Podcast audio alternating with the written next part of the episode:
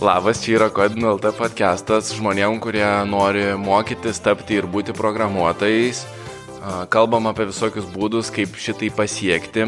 O šiandien toks biški kitoks bus podcastas, nes pirmą kartą turim podcast'o svečią. Abu du čia sėdim, prakaituojam, balsai lūšta, bet gal kaip nors pradėsim įrašinėti.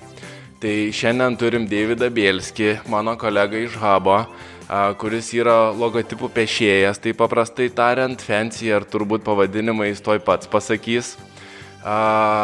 Jis piešia labai uh, įdomius, techniškus, minimalistinius logotipus. Man aišku, kai nedaug suprantančiam apie šitą dalyką, tai įdomiausia yra tie tokie užsleptos žinutės, kažkokios smulkmenos užsleptos, kur uh, ten kažkokia rodiklytė ar formelė ar kažkas ir ten įsižiūri ir pamatai, kad yra namelis ir rodikliai ir dar ugnis paslėpta visi tie dalykai vos keliuose brūkšneliuose. E, Davidui turėčiau iš tikrųjų padėkoti e, dėl to, kad aš pradėjau freelancing, nes e, tikriausiai jau pasakojau, kai praradau, nepraradau, kai su manim atsisveikino paskutinę mano darbo vietą, atėjau į hubą, čia šiūliuose tokį kabinečiuką, kur sėdi freelanceriai, galvojau, gal kažką mokysios, gal ieškosios klientų ar kažką. Ir aišku, su Davidu pradėjom šnekėtis ir jisai man čia pasakojo, kaip freelancina, man tik akis didėjo, kaip iš čia klientų ieškos, kur deda savo logotipus, su kokiais klientais dirba, kokie įkainiai yra ir visi tie dalykai, aišku, mane labai sudomino, bet pats svarbiausias yra tas, kad Davidas parekomendavo mane savo, mano pirmam klientui, tai bičiukai, kuriem aš dariau knygų marketplace. Jie ieškojo dizainerio, turbūt logotipui piešta, ne, Davidai? Sveiki, pirmiausia. Jo, viskas taip ir buvo, jam reikėjo logotipo, bet mes turbūt kažką nesutarėm ir aš rekomendavau Eligijų. Jo, ir, ir nuo to laiko jis pradėjo Taip, tai buvo mano pirmas toksai didelis užsakymas, realiai kokius tris mėnesius dariau ir dar atsimenu, kai Davidas pakėlė galvą nuo savo kompo, dar kitoj vietoj kampė sėdėjo, taip išlindo iš monitoriaus, sako, ei, tu čia moki programuoti, sakau, nu kažką, sako, čia va tokį galėtum padaryti, nu, dar likti apie backendą gal paklausė apie kažką ir tada jo jo sakau ir kitą dieną gavau e-mailą ir ten kalbėjomės, kalbėjomės ir realiai, realiai gavau tai pirmą klientą, kas buvo nice ir prasidėjo mano karjera. Bet jau prakalbėjau belenkiek minučių apie save, iš tikrųjų šitas podcastas yra apie Davidą ir mes jį kamantinėsim labiausiai ne tiek apie logotipus, kiek apie patį freelancinimą, nes tokia universalesnė tema, kur, kur mes visi galim relaitinti. Ir Pirmas klausimas tau, Davidai, yra apie tai, kaip, kaip tu pradėjai, kaip, kaip pradėjai logotipus piešti, kaip pradėjai freelancinti ir gal gali apie tai papasakoti.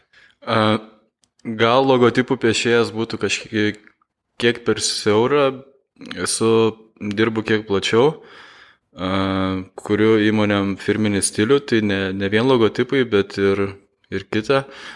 Gal neįsiplėsiu apie apie ką aš darau, papasakosiu labiau apie freelancinimą. Kaip pradėjai savo darbą, ką darai ir, ir ką darai ir papasakok tiesiog apie, apie savo veiklą. Uh, viskas prasidėjo turbūt dar mokyklos laikais. Uh, prisimenu save visą laiką piešinti. Uh, rimčiau susidomėjau grafiniu dizainu turbūt kolegijoje.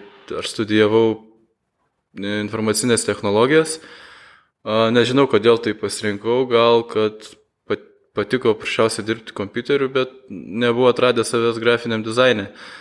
Tai mm, po kiek laiko mm, pradėjau dirbti Photoshop'u, Coreliu, tuo metu dar pradėjau nuo plakatų skrajučių, bet manęs tas kažkaip stipriai neužkabino ir po kiek laiko internete atradau grafinio dizaino konkursus, e, kur ieškojo turbūt dizainerių, tai pasakyti, logotipam.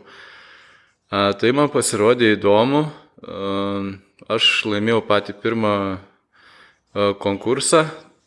Tai buvo apie 200 dolerių, turbūt nepamenu tiksliai, bet tai man tuo metu čia prieš 9 ar 10 metų buvo kosminiai pinigai ir aš supratau, kad iš to galima gerai uždirbti, supratau, kad yra perspektyvų toliau mokintis, tobulėti ir Eligijus mane pristatė kaip logotipų piešėją, gal turbūt per, per siaurai, aš dirbu truputį plačiau, esu įmonių firminio stiliaus kuriejas, tai ir logotipai, ir, ir, ir, ir, ir firminiai blankai. Nu taip, iš tikrųjų, tai ir e-mailų templiai, tai ir jo. vokai, vizitinės mašinų apklėjimai, daugybė. Jo, turbūt tas dalykų. plačiau yra. Jo, aš tik tai tą, ką, ką, ką turbūt labiausiai koncentruotai darai, taip, jo, čia tas pats, kaip pasakytų, kad... Jo, gal turbūt daugiausiai, jo, tokių logotipų gal turiu daugiausia, gal dėl to taip. Logotipus mums tik tai rodai, kitų dalykų tai nerodai, pats uh, ten nusinti ir viskas, o logotipuose klausi mūsų kažkiek. Mm, taip, jau papasakoju, kaip pradai pirmus klientus, aš čia matai turiu tokį sąrašiuką užsirašęs. Uh, tai gal papasako, kaip Kaip atsitiko tas toksai revelationas, kad jau supratai, kad freelancinė ir kad kaip perėjai nuo ankstesnio darbo į full-time freelancinimą, kaip atsitiko tas? Uh, taip, uh, pradėjau dizaino konkursuose dalyvauti ir uh, sąžiningai laimėjau gal tik kelis, bet, uh, bet tai pats logotipų piešimas mane labai užkabino ir aš pradėjau tuo domėtis. Ir atradau daug socialinių tinklapių tuo metu kaip Logopondas ir vėliau atsirado Dribble. Aš pradėjau ten kelti darbus ir su laiku atsirado pirmieji klientai. Aišku, užmokės pirmieji mano atlyginimai nebuvo didžiuliai, bet mm, tas mane labai spyrė toliau, toliau dirbti ir, ir aš tuo metu dar dirbau darbą.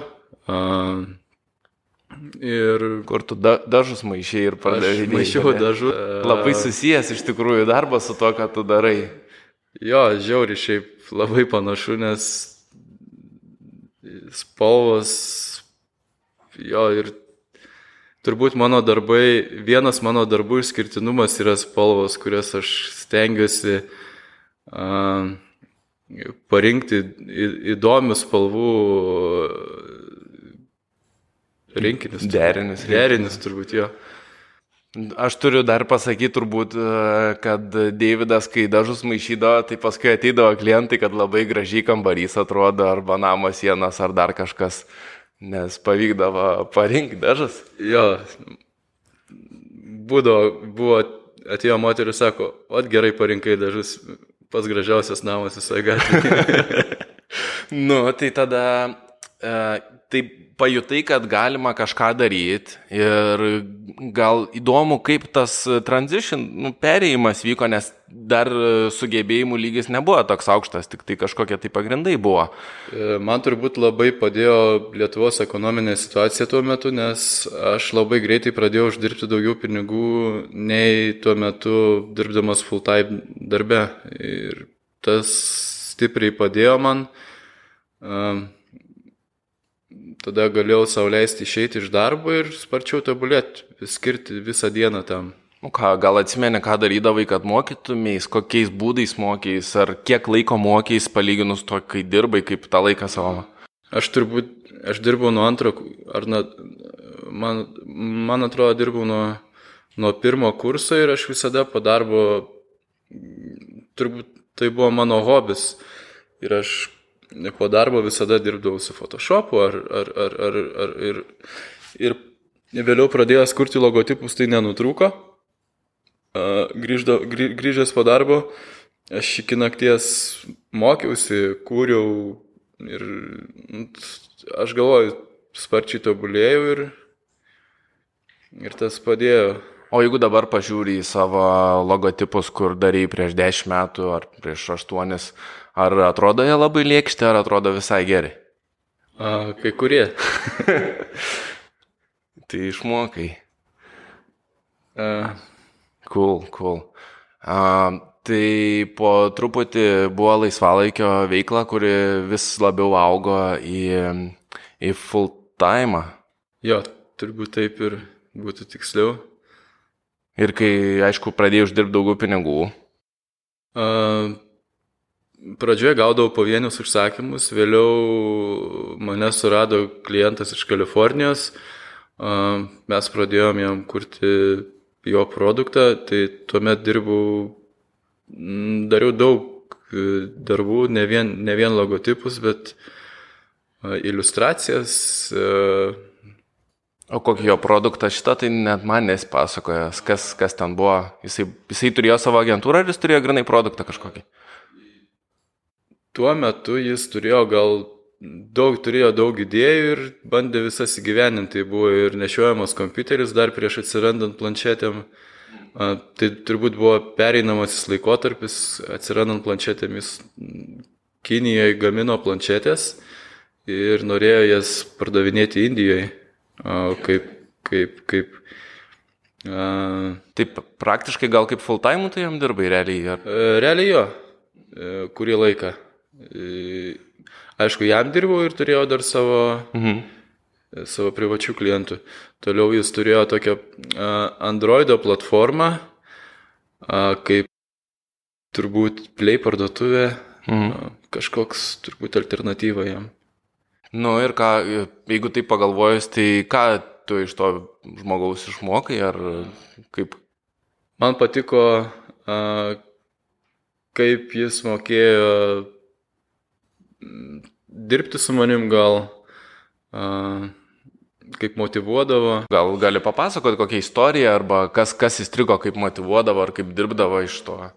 Gaudavau bonusus. E, Mes jau buvom sutarę kelionę į Kiniją, į tų kompiuterių fabriką, bet e, taip gavosi, kad jis nutraukė, nes atsirado planšetės ir turbūt nebeapsimokėjo. Ir, nes ten gana platus projektas buvo, darėm dizainą um, juos turbūt jo, ir tiem kompiuteriam. Um, Kietai? Ja, įdomus projektas buvo, čia turbūt mano, mano pirmoji patirtis, paskui pabaigęs dirbti jam išėjau visiškai freelancinti. Kas sunkiausia buvo pačioj pradžiai freelancinimo, kai dar nežinau ar su juo padirbus, ar dar prieš tai, kas buvo sunku? Sudėtinga buvo bendrauti turbūt su klientu, nes niekada ne, nebuvau bendravęs su užsieniečiais, nesupratau jų kultūros, kartais net išsireiškimų. Nu ir kaip su to kovojai? Kovoju iki šiol turbūt. tai Netflix'o akantas yra, aišku, geras įrankis yeah. angliškai mokytis. Mhm, ir aš, aš prie ko tempiu ir linkstu, tai turbūt pati sunkiausia dalis pradžioj freelancinimo yra gauti tų klientų ir ypač gauti normalių klientų. Ir kaip, kaip, kaip tu pradėjai gavinėti tos klientus, ko, ką darai? Man gavosi turbūt labai natūraliai, nes aš pradžioj net, e, kai pradėjau kurti logotipus, turbūt net neturėjau tikslo, kad gaučiau klientų. Man patiko pati veikla. Nu, tai buvo hobis ir aš po kurio laiko keldamas darbus pradėjau natūraliai gauti klientus. Mhm. O kada, kada atsirado tavo kontrastą 8 tam kurioje vietoje? Kontrastą 8 atsirado turbūt mokykloje dar mm. mano, kaip vadinasi? Kas? tą programėlę rašinėtis. Mirkas. A, Mirkė, aha, aha. Mirko Nikas, va, paskui galvoju, kai pradėjau dizaininti, kai pradėjau kurti logotipus, lemą galvoju, tai kontrast, kontrast spalvas, gal galvoju ir tiktų visai. Šiaip aš to, aš kontrast jau kaip ir bandau atsisakyti, nes noriu naudoti tik savo vardą pavardę, bet, bet kaip ir kiekvienam dizaineriui turbūt trūksta laiko sukurti savo brandą, vystyti jį ar rebrandintis. Taip, bet tai kontrast 8 yra tavo brandas iš tikrųjų jo, ir... pažįstamas. O kad, na nu, gerai, o tai ar darai kažką, kad tas kontrast 8 pasidarytų į kažkokį brandą, kaip, ar, ar darai kažkokius sąmoningus veiksmus, kad formuotum tą savo asmeninį brandą? Ne, kontrast 8 ne, nesistengiu formuoti. A, Bet turi e-mailą, turi Instagramus ir viską, kur yra kontrast 8. Ar natūraliai tas įsivystė? Čia natūraliai turbūt. Gal tas dalykas kažkiek yra teigiamas, nes kiti galvoja, kad įmonė, ar, ar tai neigiamas dalykas yra. Uh, mhm. Viskas gavosi natūraliai. Nu, nes aš kai žiūriu į, į, tarkim, tai, ką tu darai internetuose ir tavo tą visą web prezencą, tai yra asmeninis brandas, yra daug susijusių dalykų, yra stilius tas pats ir tie dalykai yra labai svarbus kaip freelancer. Jo, čia turbūt kaip rašyta yra slapyvardis, taip man kontrastas turi. A, nu gerai, nu jo, tai dažniausiai taip ir yra visas tos istorijos, kad turėjau mirkę niką ir tada... Jo, taip viskas ir išsivystė turbūt. Aha. Nu gerai, tai tada pradėjo įdėti darbus ir tie klientai tiesiog pradėjo patys rašyti, rastis. Jo. Mhm. Ir tų užklausų vis daugėjo.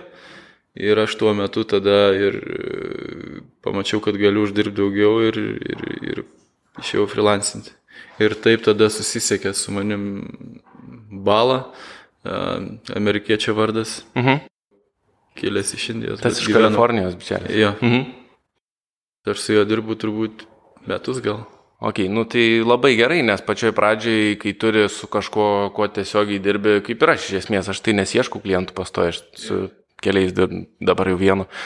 Um, nu gerai, o e, kai pradedam freelancing, mes gaunam ganėtinai prastus ar tai užsakymus, ar klientus, ar patys nemokam uh, su jais bendrauti. Kaip gal atsimeni, kaip tas vystės, kaip vis geresnius gavai? Uh laikui bėgant tu pradedi pastebėti kažkokius uh, požymius uh, laiškuose, užklausose ir pradedi vengti tokių laiškų. Ar, uh, pradžioj būdavo visko ir apgaudavo ir nesumokėdavo pinigų. Pradedi, laikų bėgant susidėlioja kažkokias taisyklės, kurios pradeda, padeda freelancinti. Uh, pinigų kažkokios dalies ėmimas prieš mm, Avansas. Avansas, jo. Um, kas dar? Nu, tai tu turi savo darbo procesus, o kokie yra tie tokie tau išduodantis dalykai, kad geriau su to klientu nebendrauti? Um, kurie stengiasi labai nusidėrėti, nes tada supranti, kad jie turbūt nelabai suvokia darbo vertės, nelabai tave patį vertina suprant, supranti, kas bus sudėtinga su juo dirbti. Nelabai supranta, ko nori, nelabai turi kažkokį, neturi krypties gal. Būna kartais, kad klientas e, nežino, ko nori, bet pasitikė tavim, bet būna tokių, kurie, kurie nežino, ko nori ir, ir tavim iki galo nepasitikė. Ir, A, gerai, e, ką, ką tu darai, kad e, klientai tavim pasitikėtų labiau ir tavo specialisto žodžiu, nes tu tai turi patirties, tu supranti, jie gal nesupranta dažnai. A, labai dažnai kaina padeda a, Tu pozicionuoji save kaip brangiai apmokamas specialistas. Jo, save pozicionuoji kaip profesionalai ir dažnai žmogus mokantis didelius pinigus supranta, kad tai yra, ką tu padarėjai, yra profesionalu, gerai, už tai sumokėjai didelius pinigus. Ir dažnai, jeigu tu prašai mažiau, klientai išsiknesinė. -huh, uh -huh. O tai gerai, tai neaišku, kiek tu nesakė anksčiau gavai, bet tu sakai, kad pirmam konkursą gavai likti 200 dolerių, ne? Ja. Ir kaip, kaip vyko tas, kaip tu nusprendė arba kaip tu nuspręsdavai, kad jau dabar atėjo laikas pasididinti kainą, tarkim, kaip? Pradedant turbūt susipažįsti su, su kitais žmonėm, kurie, kurie daro tą patį. Pradedi bendrauti, žinai jų procesą, jų kainas ir po truputį savo pritaikai. Ir augant gal bendrai tos kainos keičiasi, ar, ar, ar vėl susipažįsti su kitais žmonėmis, prisitaikai prie rinkos. Man šitas visada įdomu buvo, kiek daug tu turi kitų dizainerių pažįstamų visokių ir, ir koks yra platus tavo tas, kaip čia, netvarkas, kaip, kaip tu, kaip, kaip susipažįsti su tais kitais dizaineriais. Pradėjus kurti logotipus, pradėjau kelti darbus į logopondą, tai buvo labai plati bendruomenė ir aktyviai bendravo turbūt apie 50 dizainerių, gal turėjom savo grupę ir su kai kuriais bendraujam net iki šiol. Vienas mano geriausių draugų yra Aleksas, su juo susipažinom logopondę prieš 8 gal metus. Uh, jis daro praktiškai tą patį, ką ir aš. Uh, ir nuo to laiko mes tapom kaip ir uh, labai geri draugai, bendraujam kiekvieną dieną. Jis buvo mano vestuvėse, krikštynose uh, vaiko. Aš buvau pasinuvykęs į Rumuniją. Mes, tri, mes su juo ir dar vienu lietuviu buvom įkūrę dizaino studiją online. Tai truko gal kokius tris metus, po, paskui po, po truputį kažkaip išsiskyrė mūsų nuomonės ir, ir, ir, ir viskas nutruko. Gal tai buvo daugiau freelancerių komanda, kurie apsėmė bendrai daryti projektus, nei, nei agentūrų, bet, bet tai buvo gera patirtis, galvoju. Ir Tai kokia nauda iš esmės yra, kai susibūri į grupę ir, ir organizacija pasidarė jau nebe vienas? Nauda tokia, kad tu supranti apie, apie visą industriją, turbūt kaip, kaip viskas veikia, kaip kiti galvoja, kaip um, tas, tos pačios kainos, bendravimas su klientu. Uh, Aps, kartais būna, kad gauni iš to pačio kliento ten 10 žmonių laišką ir ten... Aha, tada aptari, supranti, kad ieško kainas geresnės. Ieško, kad, kain, kad su tuo geriau net nedirbti, nes jisai ar, ar, ar kažkaip kitaip. Ir šiaip bendraujant gali idėjas aptarti, mokytis, Tai iš esmės, o atsiprašau, iš esmės burtis į komandas yra labai gerai, nes tada trigubai smegenų turi ar dar daugiau ir, ir gali ja. išmokti visokių dalykų. Nebūtina dirbti tą patį darbą, gali tiesiog aptart bendrai kažkokius dalykus. Nu, iš esmės mes, vad, habe, kai sėdi mane, tai visada bėga viens kito paklausti, tu rodai savo logotipus, aš klausiu, kaip su klientais bendrauti va, Justinas, kur kampė dabar spauda klavišus, irgi kažką klaus, mes jo klausiam ir vieni kitiem. Yeah. Padeda. Nors atrodo darom visai skirtingus dalykus, bet tai padeda. No. Taip, taip. Tai realiai aš, aš dabar gal įsiterpsiu, įsivaizduoju, kad ir programuotojam, ir tarkim, ir mokantis, ir ypač savo pirmus darbus dirbant, turėti kažkokią sleko grupę ar forumą ar kažką, kur kalbėti ir vieni kitiem biški padėti tai neįkainojama. neįkainojama. Aš įsivaizduoju, programuotojams tai būtų dar svarbiau, nes spręsti kažkokias užduotis. Tai... Mhm. mhm. Bet į agentūras dabar nebedarot, nes buvo kas palapo.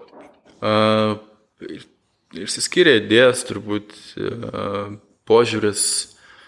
Uh, visi norėjom, visi turėjom savo idėjas, ne, nebuvo vieno žmogaus, tur, turbūt visi mes buvom vienodi, lygus ir e, norėjom eiti skirtingais keliais, matėm skirtingą viziją gal labiau. Mhm. Tai cool, viskas normaliai. Um, žiūrėkim, ką čia toliau mes turim. Tai toliau aš turiu įsirašęs apie darbą vis tiek su klientais. Um, Kaip tu galvoji, kaip keitės tavo tas e, bendravimas su klientais, požiūris į klientus, pats darbo procesas nuo to, kaip, tarkim, prieš penkis metus dirbai ir kaip dabar dirbi? Uh, uh, pradedant turbūt, uh, aš visiškai nesupratau užsienio kultūros, pats buvau jaunas ir turbūt su metais atėjo ta patirtis, solidumas gal. O ką iš tos kultūros pamaty, ko šiaip nepagalvojai anksčiau? Kad ir aš pamenu papasakos istoriją. Jo, įdomiausia. Vienas pirmųjų klientų, gal, gal pirmais ar antrais metais ir tai buvo viešbučio projektas turbūt. Ir jis sako, davai darom logotipą, aš sakau, davai darom uh, bežionės su, su raudona kepurėlė, nes būna viešbučiuose, kaip jau. Durininkai ar Durininkai, porteriai. porteriai. Pliama galvoja dabar, kaip aš rasistiškai. Tarp kitko, vienas iš darbų, kuriuos aš dirbu, kai Londone gyvenau, turbūt pats pirmas buvo porteris, tas girdai. Tik kepurėlės neturėjau, nes nepakankamai prabangus viešbutis buvo. jo, tai dabar po tiek metų atrodo, kad tos mano idėjos kitos vaikiškos yra ir neapgalvotos gal. Aišku, gal dar po, dar po dešimt metų atrodys, kad dabar ką, ką dariau yra vaikiškai ir, ir naivu. Įdomiausia visiems vis tiek yra istorijos. Ir pati įdomiausia istorija, kurią aš esu apie tave girdėjęs, tikriausiai susijus su, darbu, su tavo darbu.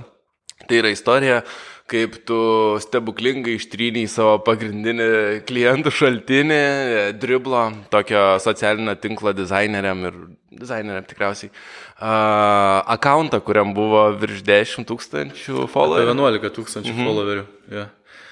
Dribble yra pats populiariausias pasaulyje tinklapis dizaineriam. Turbūt didžiausias įmonės ieško dizainerių kaip Facebook, Google, Apple turbūt. Ir aš turėjau ten susikūręs didelę savo sekėjų bazę, gaudau reguliariai užsakymus ir kažkokiu būdu sugebėjau tą akantą ištrinti ir taip praradau turbūt šešių metų įdirbį. Ir tada galvoju viskas, pradėsiu ieškoti e, darbo.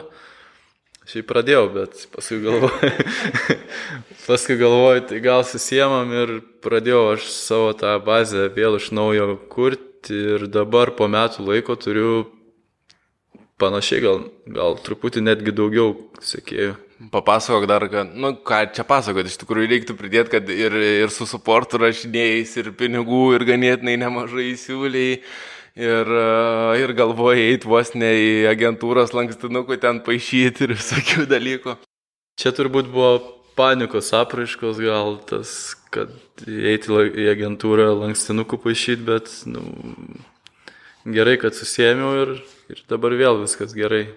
Tai tu visiškai gali releitinti su pradedančiaisiais, atsiprašau. Jo, per metus, per metus padariau praktiškai tokį pat darbą, kaip, kaip ir pradedantysis ir vėl grįžau tą pačią vietą, kurią, uh, kurioje buvau prieš tai.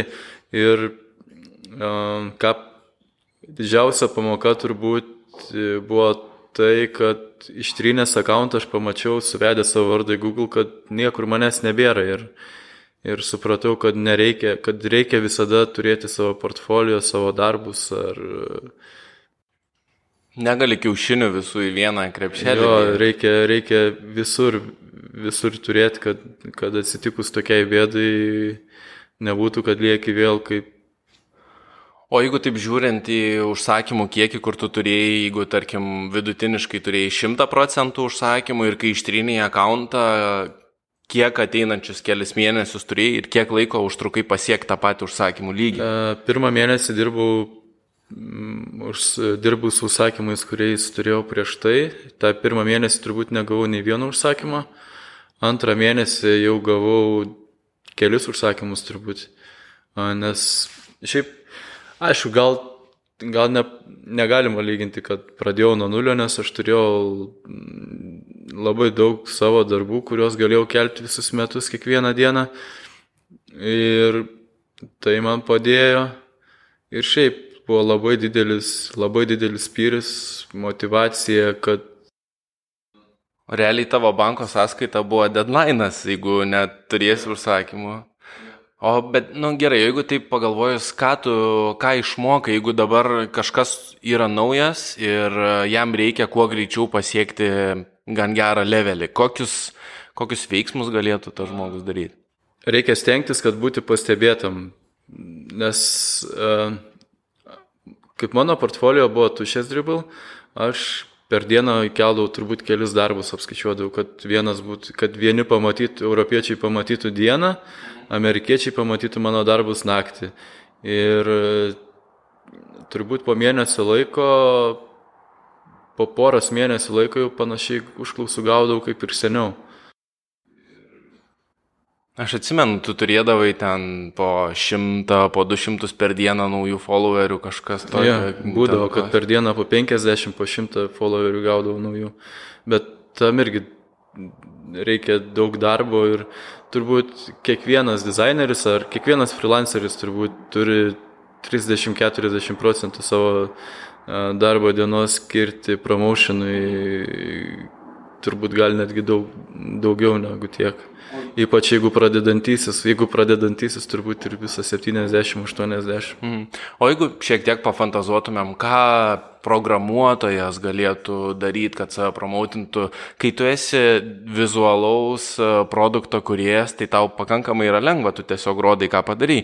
Bet jeigu mes žiūrim programuotoją, kaip manai, kokie, kokie būdai galėtų būti save parodyti programuotojai? Uh, turbūt uh, Vienas būdas yra siuntinėti laiškus agentūram, developinimo ar dizaino agentūram, kuriem taip aš dariau, pasirinkdavau vieną miestą pasaulį ir visą dieną siūsdavau laiškus agentūram ir dažnai sulaukdavau atsakymų ir iki šiol turiu klientų, su kuriais dirbu nuo to laiko.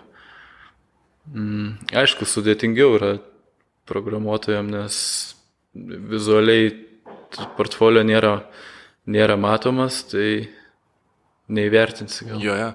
Aš tai galvoju, kad e, šiaip dabar miškelį nuo, nuo Davido nu, nuklystant, tai developeriai gali turėti visokių mažų dalykėlių, kurie yra pridarę. Aš iš karto į galvą man ateina uh, E, žmogus, programuotojas, kuris padarė 30 dienų JavaScript challenge, tai pridarė daug visokių užduotėlių ir tos užduotėlės buvo vienai dienai atlikti. Tai jisai promautino savo kursus, tai bet jeigu mes esame programuotojai, mes galim vieną dieną laikroduką sukurti, kitą dieną skaičiuokliuką sukurti ir kažkokius mažus daiktus, kuriuos galim suprogramuoti ir pasidalinti. Galim jo pavyzdžiui, collaborating su dizaineriais, e, susiras Behance kažkas turi dizainą ir sakyti, hei, aš tavo dizainą sukodinsiu ir open sourcinsiu, kad kažkas galėtų saitą padaryti, keliam blogam parašyti ir sakyti, hei, žiūrėkit, aš turiu sukodinęs tą dizainą, gal jūs norit pafeaturing kaip 10 nemokamų template'ų dizaino ir visokius tokius dalykus iš tikrųjų. Ir e, tu esi dar daręs interviu su Logopondu, ne? Kaip tai? Logopondas turbūt yra pats didžiausias ir daugiausiai įtakos pasaulyje turintis blogas. Logotipam. Jo, gal ne blogas, o platforma ten. Mhm. Jie kiekvienais metais leidžia knygas, kurios uh, vienos labiausiai perkamiausių knygų. Apie ką? Apie logotipus. Mhm. Uh, Ir tave featurina? Jo, jie kiekvienais metais išleidžia logotipų trendus, kuriais vadovaujasi ten visos dizaino studijos, klientai. Ir jie pradėjo featurinti kiekvieną mėnesį dizainerį. Turbūt kiekvieną mėnesį. Ir, ir turbūt prieš pusmetį gal. Jie mane featurino kaip mėnesio dizainerį. Nice. Jo, čia buvo labai didelis pasiekimas ir garbė. Tai taip, tai aš dabar galvoju, tai gerai, kad tu jau turi labai daug patirties ir, ir turi tą savo visą bagažą. Jeigu naujokas esi irgi jaučiu, gali tai padaryti. Gali pats mėginti įsiprašyti kažkur, gal ne tokius rimtus saitus. Aš įsivaizduoju, jo. Ar kažką ir būti pafeaturintas, ar blogė kieno nors, ar kažką, visi tie dalykai yra toks krepšelis. Aš kai žiūriu į Davidą, tai va, Davidas sako, aš nieko nedariau specialiai, natūraliai, aišku, tie dalykai daręs, bet Davidas turi savo ganėtinai turtingą web prezencą, nepaisant to, kad riblai ištrynė. Ir jisai daug visokių vietų turi savo pėdsakų, kuriuos, kai kažkoks klientas aiškinas, kas tu esi per vienas, ar tikrai vertas savo kainos, ar tikrai vertas su tavim dirbti, jisai tuos dalykus išsigūglinės randa pabiški. Ir, ir taip tu sukuri tą savo ir personal brandą, ir kainą validuoji, ir visus kitus dalykus. Jo, nes buvo situacijų, kad atrodo ištrynės iš portfolio, ar turbūt prieš tai, kad kai dirbau ištrinių, parašo klientas nori nupirkti logotipą. Ok, jis man atsinta, atsinčia logotipą, plemba galvoja, ar aš jį kūriu ar ne. Paskui pradedu ieškoti, kad čia Jo, sukūriau aš jį ten prieš turbūt tris metus, įdėjau, ištryniau ir jis vis tiek kažkur liko Pintereste gal ar, ar, ar kažkur kitoj galerijai. Tai, tai pamiršęs kažkokį daiktą dar gauni pinigų jį.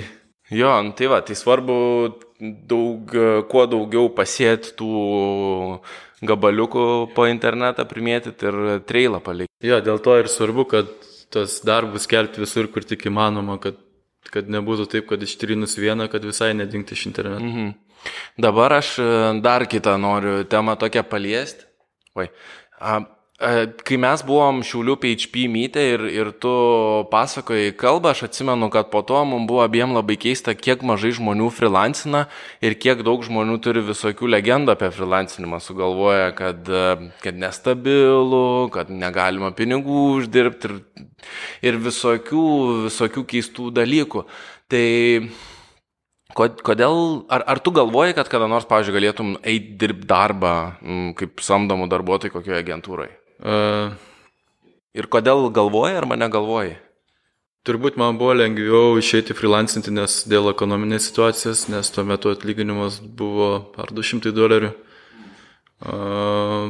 Ir su laiku, aišku, jis didėjo, bet mano įdirbis tuo pačiu didėjo ir aš kažkaip nepajutau to nestabilumo. Nes dabar užsakymus kaip ir gaunu reguliariai. Ar galėčiau išeiti dirbti? Prieš kelis mėnesius gavau pasiūlymą dirbti kažkur rytuose. Kai šalyje aš to? Bareinė, man atrodo. Bareinė jo dizaino agentūrą ir aš rimtai svarščiau, kad ten galėčiau važiuoti su šeima dirbti, nes būtų labai įdomu gautos patirties. Aš galvoju, kad būtų man buvęs labai didelis pliusas, kad aš pradžioje būčiau dirbęs kažkokioj komandai, kažkokioj, kažkokioj agentūrai, kur aš būčiau galėjęs gyvai pačiupinėti, kaip vyksta spauda, kaip, kaip, kaip aišku, iš kitos pusės pažiūrėjus aš galiu skaityti knygas, viso to išmokti, bet, bet aš galvoju, kad patirtis visada yra pliusas, o ar galėčiau, turbūt negalėčiau, nes nebemokėčiau gyventi kitaip nei freelancinant, nes. Kas labiausiai patinka freelancinant? Laisvė turbūt. Ką daryti laisvė? Aš turbūt pabaigęs šitą interviu varysiu namo, nes tingiu dirbti. Dabar yra po pirmos devynės. Ir varysiu gal su vaikais į filmą. O tokia ir laisvė turbūt. Reguliuotis, kada dirbi. Šiaip tai pažiūrėjus, ai dar grįžtant prie to, ar dirbtum ar nedirbtum, tai aš noriu turbūt pastebėjo tokį dalyką, kad a, tą nebuvimą komandoje ir nebuvimą kažkokioje agentūroje, tai jūs puikiai kompensavot su kitais kolegom, jūs iš esmės kartu dalinotės informaciją ir patirtim ir visus kitus dalykus. Yeah. Tai, tai tas yra, o laisvė tai yra super cool, nes kai yra kūrybinis darbas, tai yra labai sunku dirbti nuo 9 iki 5 ar... Čia turbūt dar priklauso labai nuo žmogaus, kitam kitam yra labai svarbu, kad jį stumtų, verstų daryti kažką, kitam man motivacijos netrūksta, aš, man yra sudėtinga prisiversti ir dirbti darbus, kada reikia juos padaryti. Ir iš tikrųjų tu esi produktyvus. Aš atsimenu, kai mes kalbėjom su Gedu, mūsų draugu, jis buvo nustebęs, koks tu produktyvus esi. Man atrodo, ten vos nedvigubai daugiau negu jis outcome turi. Jo, gali būti. Ka, kas įdomu buvo, tai kaip manai, iš kur, iš kur tas produktivumas yra? Turbūt ta aistra nedingsta darbui per dešimt metų nėra, nėra dingusi. Nes realiai ir darytum vis tiek pieštum ką nors, jeigu nemokėtum. Jo, pinigų. turbūt daryčiau tą patį, jeigu niekas ir pinigų nemokėtų. Ką norėtum išmokti, jeigu eitum į darbą dabar? Ko, ko tikėtumai? Mano specializacija pakankamai siaura yra aš gal norėčiau išmokti plačiau, bet iš kitos pusės pagalvojus gal ir gerai, nes kadangi, kad mano specializacija yra siūra, nes galiu labiau koncentruotis į tuos mažus dalykus ir padaryti juos geriau. Mhm. aišku, būtų įdomu ir pamatyti, kažkiek išmokti ir daugiau dalykų, kas komandoje būtų daug lengviau ir mhm. turbūt taip. Dar grįžtant prie freelancinimo, iš tikrųjų daugiausiai turbūt turėtume apie freelancinimą kalbėti, nes tai yra įdomiausia. Kaip, kaip tu susitvarkai su tom pagrindiniam freelancinimo bedom? Tai turbūt pati pirma yra nestabilumas, kai kartais gauni daug pinigų, kartais gauni mažai. Kaip, tu su tuo dabar tvarkais? Dėl finansinių turbūt nežinau, kažkokiu būdu viskas pas mane gana pastoviai, iki, ta prasme, tam tikrose ribose. Nėra, kad ten vieną mėnesį gauni tiek pinigų, o kitą mėnesį žymiai daug daugiau. Nu, yra kažkoks per tiek metų, turbūt dėl įdirbio ir reguliaraus įdirbio, tas turbūt kažkaip susivienodinė. Aš ne, ta prasme, yra kažkoks nestabilumas, bet pakankai vis, pakankamai viskas kaip ir normaliai. O dėl šiaip sunkumų freelancinant, uh, ypatingai sunku buvo, kai gimė vaikai. Aš tuo metu uh, nepaminėjau, turbūt hubė dirbu gal trys metai, tai tik tais prieš tai dirbu namie ir susipažinus su žmona. Uh, dar kiek dirbau namie, bet gimus vaikams tai tapo praktiškai neįmanoma. Tad teko, teko ieškotis darbo vietos ir čia man pakankamai gerai, nes turiu ir bendradarbius kartu, kaip, kaip kalbėjom komandą. Ir kas dar turbūt sudėtingiausias dalykas freelancinant, kad labai sudėtinga atskirti darbą ir, ir laisvalaikį, nes dirbant namuose um, praktiškai visą atsėdėdavau prie kompų ir labai, labai sudėtinga buvo atskirti, kur darbas, kur, kur laisvalaikis, dirbdavau ir naktim, ir dienom, ir buvo labai sunku. Dabar kažkaip stengiuosi, kad e, dirbu maksimum 5-6. Kartais, jeigu labai daug darbo yra ilgiau, bet nu, stengiuosi visada grįžti namo ir vakare nedirbti darbų. Turi realiai tokią įprastą oficinę dieną. Jo, jo. Turbūt aišku, čia, pasidariau taip, gal jau nebesiskaito labai freelancinimas, bet vis tiek. Tai dar kaip skaitos, tai pats pasirenki savo darbo grafiką. Ir tikriausiai pradedantiesiam, aš tai kai pradėjau, tai aš įsivaizdavau, kad turiu labai daug laiko ir čia galiu visur tvarkytis reikalus, važinėti, viską daryti. Bet e, po to, kai pasižiūrėjau, kiek per mėnesį valandų pradirbau, supratau, kad neturiu. Yeah. Ir kad reikia dirbti. O, o tas darbo režimas yra kiekvienam žmogui skirtingas. Turbūt kas naktį nori dirbti, kas dieną, svarbu, kad laiką savo įdėti. Tai jeigu labai svarbi motivacija yra freelancinant, jeigu tu myli, ką darai, tai gali freelancinti. Jeigu tave reikia stumti, tai geriau dirbti įmonėje. Užtat, bet žmonės, kurie nori programuoti, kartais hypo pagauti, įsivaizduoja, kad čia išmoks programuoti, gaus daug pinigų, e, freelancins ir taip toliau ir taip toliau, bet tiesa yra ta, atsiprašau, tiesa yra ta, kad e, tas freelancinimas ir tie pinigai ir tas pasitenkinimas darbu ir įdomus darbas atsiras tik tada, jeigu tikrai tau įdomu yra programuoti. Jo, čia turbūt dar kartą pasakysiu, motivacija lygiai pinigų kiekį uždirbtam. Tai kuo tu labiau motivuotas, tuo daugiau uždirbsi turbūt. Jo, jo, jo. Kuo, kuo labiau meilė darbui turbūt. Kuo didesnė meilė darbui, tuo daugiau uždirbsi. Tai tu esi tas toksai tipinis nuvalkėtos frazės, atsiprašau, čia tokie connotation, bet tu esi tipinis tos frazės, kad pirmą daryk tas, kas tau patinka ir tada pinigai ateis, nes iš esmės tu piešiai logotipus, pradėjai kelti, klientų net nesieškoji, patys klientai tave rado ir ide, nu, tiesiog taip ir atsitiko, klientai atėjo iš paskos ir pinigai atėjo iš paskos darant, jo. ką tu mėgsti. Jo, taip ir buvo. Cool. Tai dar galim pakalbėti iš tikrųjų apie marketingą. Galbūt tau bus ir pačiam įdomu atrasti, kad daugybė dalykų, kuriuos tu natūraliai darai, yra labai geros marketingo strategijos. Tai gal gali pasidalinti kokiom, kas, kas labiausiai veikia, kas labiausiai tau pritraukia klientus? Nuoseklumas turbūt. nuosekliai, nuosekliai reklamuoti, skelti darbus, naudoti daug platformų skirtingų, būti, būti pastebėtam skirtingų auditorijų turbūt. Ką tu vadini nuoseklumu, kaip, kaip tu? Susiplanuoti, kad kelti kiekvieną dieną ar e, kiekvieną dieną po kelis kartus. Mhm. Nu, okay, jo, ne koks klausimas buvo.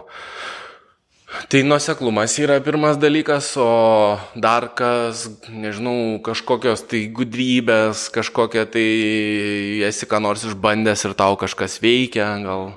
Esu išbandęs uh, mokamas reklamas, bet turbūt arba uh, jos buvo blogai nukreiptos, arba, arba turbūt nelabai tinka mano uh, profiliui darbo profilį turbūt. Um, aš promotionai naudoju labiausiai turbūt diz, uh, dizaineriam, uh, būtent dizainui skirtomis platformomis. Uh, Instagramas, Facebookas, tokias socialinės platformas nelabai veikia turbūt, nes uh, žmonės nelabai ieško ten dizainerių. Uh, o ieško jų būtent tam skirtose platformose, tai turbūt tiktų ir, ir programuotojams. Jo, tai labai akivaizdu yra, kad kiekvienai komunikacijai yra tai, tam skirta platforma ir toj platformai reikia daryti dalykus. Ir tą platformą naudotis, tai jeigu galvojam apie driblą dizaineriam arba Behance, ar kaip jis ten vadinas Behance, Tai programeriam tikriausiai GitHub'as ir kas GitHub'e vyksta yra labai gera platforma. Stack Overflow, čia aišku, Davidas turbūt nežinos, bet tos dvi platformas, jos kažkiek tai skiriasi, bet kažką galima ten bendro rasti, tiesiog parodyti savo skilą, parodyti, kad jums įdomu, parodyti, prie ko dirbat, galima parodyti savo žinias ir kodo rašymą ir bendravimą ir visokius kitus dalykus. Ir jo, reikia būti nusekliam ir dalintis, ten, gal ne kiekvieną dieną, bet dažnai. Tai va, tai kaip sakai, 70 procentų pradedantiesiam turbūt reikėtų praleisti save promautinant ir, yeah. ir, ir aš dar galvoju apie, ir apie dizainerius turbūt tas pats yra, kad um, tie dalykai, kuriuos tu darai mokydamasis, juos gali keliais būdais panaudoti, tu išmoksti kažką daryti, tu turi portfolio itemą ir tu turi dalyką apie ką šnekėti ir tas toks efektas labai geras gauna. Yeah tu po šią dieną pieši visokius logotipus net, ne, net neužsakytas arba darai kažkokius tai ja, dizainus. Tai, kitas svarbus dalykas yra daryti tai ir kelti tokius darbus, kokiu tu nori užsakymų ir nesistengti, nesistengti daryti to, kas nepatinka, nes e, būtent tokie ateina ir užsakymai. Mhm. Uh, jo, dažnai piešiu, kas man patinka, šiaip nes man tai patinka ir ir kėlus kartais jas nuperka ir gauna už tai papildomų pinigų, bet tai nėra visiškai tikslas. O gal atsimeni, vėl aš prie to freelancinimo tempiu, nes um, Aš žinau, kad e, Davidui visi tie dalykai, kuriuos jis pasakoja, atrodo kaip e, common sense, kasdienybė, bet e, ir, ir man, ir tiem, kas tikriausiai klausys šito podcast'o, šitie dalykai visi yra įdomus, nes tai nėra paprasta tokia kasdienybė. Tai gal galėtume mes pagalvoti, kokias klaidas freelancinimo pradžioj darėjai, gal atsimeni, gal, gal keista ir jokinga dabar atrodo, gal kažkokių istorijų, žinai. Gal labai pasitikėjau klientais, nes pirmieji mano klientai mane apgavo, nesumokėjo pinigų. O kaip atrodydavo tai tos situacijos? Jie, dar vienas dalykas, pradedant, dauguma klientų žiūri kaip į pradedantį ir jie supranta, kad tu neturi patirties, jie supranta, kad tau yra sunku ir, ir aišku, nesakau, bet yra tokių, kurie stengiasi apgauti tave, išnaudoti ar išnaudoti už nedidelį atlyginimą. Ta pati aš patyriau ir turbūt tai buvo viena iš priežasčių, dėl ko aš pradėjau dirbti su užsienio klientais ir ir stengiausi vengti darbo su lietuviais. Bent jau. Tai pačioj pradžiai tu turėjai ir lietuvių dar klientų? Jo, turėjau kelis lietuvių klientus, kurie... A, jie turbūt mane irgi rado per logopondą gal. Mhm. A, ar kažkokią kitą platformą, gal aš forume dalinausi savo darbais, dabar mhm. tiksliai nepasakysiu, bet, a, bet esmė, kad a, pradžia buvo a, kaip ir Taip pat ta... Patirtis gal, patirtis gal dirbant su pirmais klientais buvo sunku, gal. A, užsienio klientai bent jau patys pirmieji ir patys pirmieji lietuvių klientai buvo kardinaliai skirtingi ir labai pagarbus ir e, kita klaida turbūt paties savo laiko nevertinimas, nes mes lietuviai dažnai nevertinam savo laiko ir dirbant su užsienio klientais darydavau daug bereikalingų darbų, švaistydavau laiką, nesusikoncentruodavau į tikslą. O kokius tos darbus darydavai? Gaudavau briefą ir turbūt jį visiškai nesusikoncentravęs darydavau kažkokius pašalinius darbus, kurie, kurie tik trukdydavo gal Tai, tarkim, darydavai kažko, ko nereikia? Ar... Ko nereikia turbūt jo ir... Ar ne į temą, ar kaip? Jo, ne į temą turbūt gal nesusikoncentruodavau, nelabai ne, ne, ne suprasdavau turbūt, gal čia jo tas supratimas gal turbūt ne, ne, ne, nebuvo išvystytas greičiausiai. O kiek procentų tavo darbo sudaro grinai iliustratoriui, agent, prieš kiek darbo sudaro bendravimas grinai su klientais? A, Dabar. Aš pažįstu labai daug dizainerių, kurie plačiai išsiplėtoja bendraudami su klientais. Aš stengiuosi bendrauti trumpai. A, Ką tu nori iš klientų sužinoti prieš dirbdamas ir dirbdamas? Aš turiu savo klausimyną ir tą informaciją, kurią jie nori pasakyti, surašo man į klausimyną ir, ir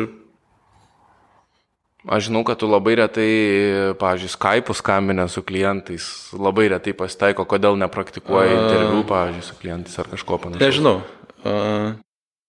Šiaip man patinka bendrauti e-mailu, nes aš tada galiu perskaityti, ką su klientu rašinėjomės. Nes dažnai būna, kad bendraujam Skype, atrodo klientui.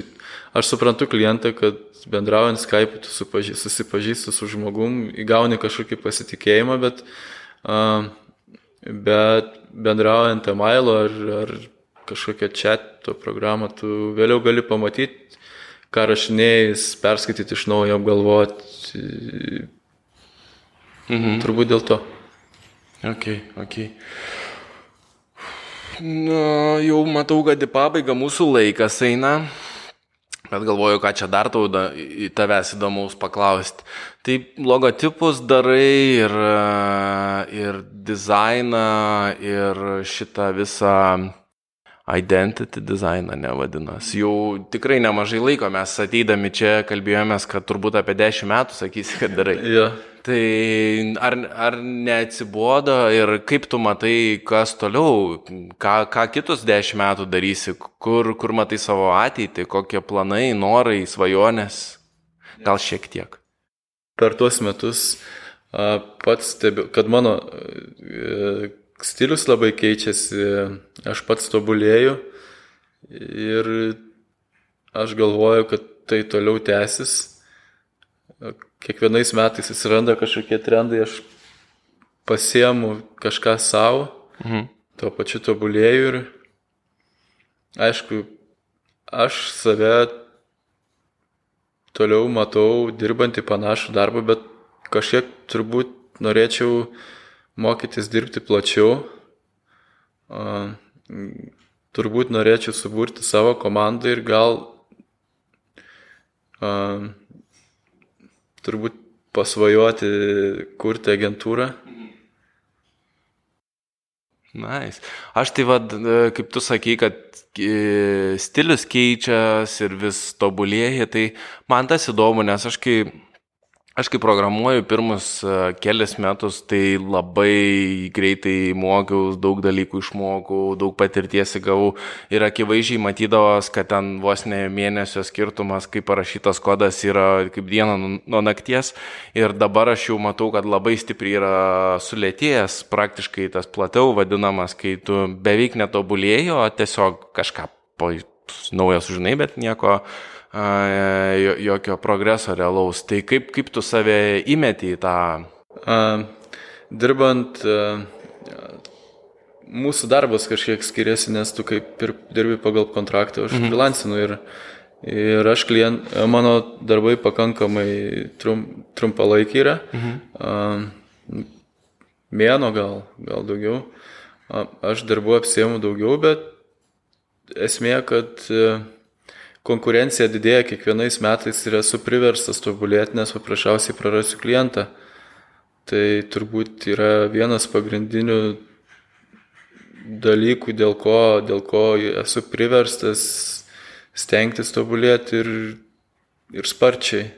Mhm. O kaip atrodo, kai, kai tu turi mažai patirties, tas mokymosi procesas nėra toks sudėtingas, nes labai lengva padidinti savo skilą. Kai tu turi tiek daug patirties, Kaip, kaip atrodo tavo mokymosi procesas, kaip tu mokais, iš ką tu darai, kad mokytumės ir keltum savo lygį? A, turbūt mokaus naujų technikų, a,